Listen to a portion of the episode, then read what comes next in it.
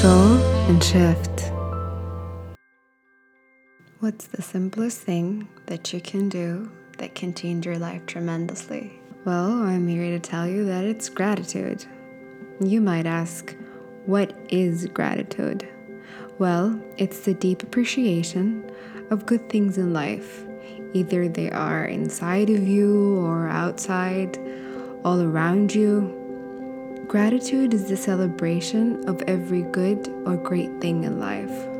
And I'm gonna tell you why gratitude is the best thing that you can do for yourself. First, because you can't feel angry, grateful at the same time. It just doesn't work that way. It's either you're angry or you're grateful. And I bet everyone would choose to be grateful than angry.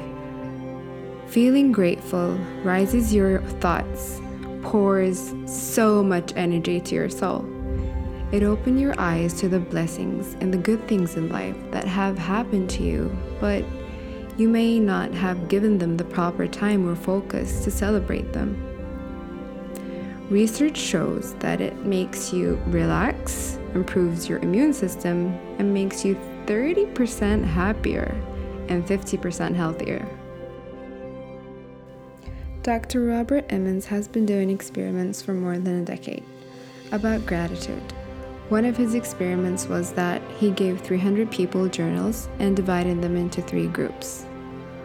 One group had to write things that they were grateful for, and the others had to write things that annoyed them every day. And the last group, well, he told them to write anything that popped into their heads. After a certain period of time, he found that the group that wrote daily gratitude lists had much higher level of well-being.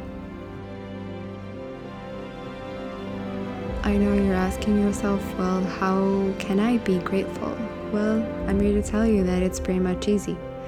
Either you write the things that you're grateful for on a piece of paper, or you can like get a journal, or you can just say them to yourself before you go to sleep, or when you wake up in the morning, or even in the middle of the day. The important thing is the more you focus on the details, the better.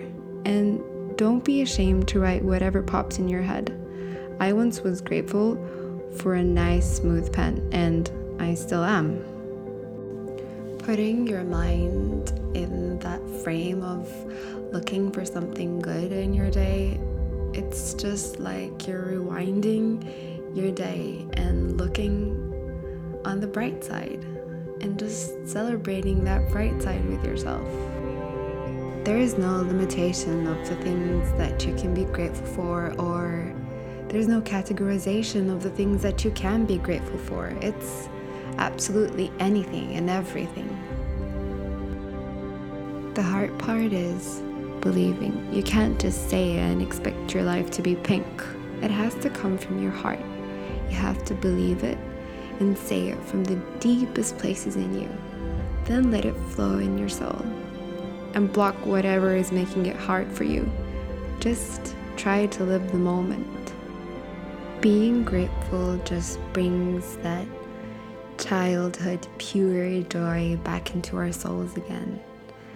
And being grateful means that if you fail at achieving your dream, well, you can be grateful for actually having a dream in the first place. At least you're trying to climb that mountain, even though it's going to take a while to go to the top. Every day, there's something to be grateful for no matter how bad your day may be. And we can't forget that the Quran stated and ordered us to be grateful and promised us that if we're grateful, good things and the things that we're grateful for are going to be more. Just remind yourself whenever you're in a bad situation or when you feel like you're stuck in something that you really hate, just remember the good thing of that situation the smallest good thing that happened to you at that same day.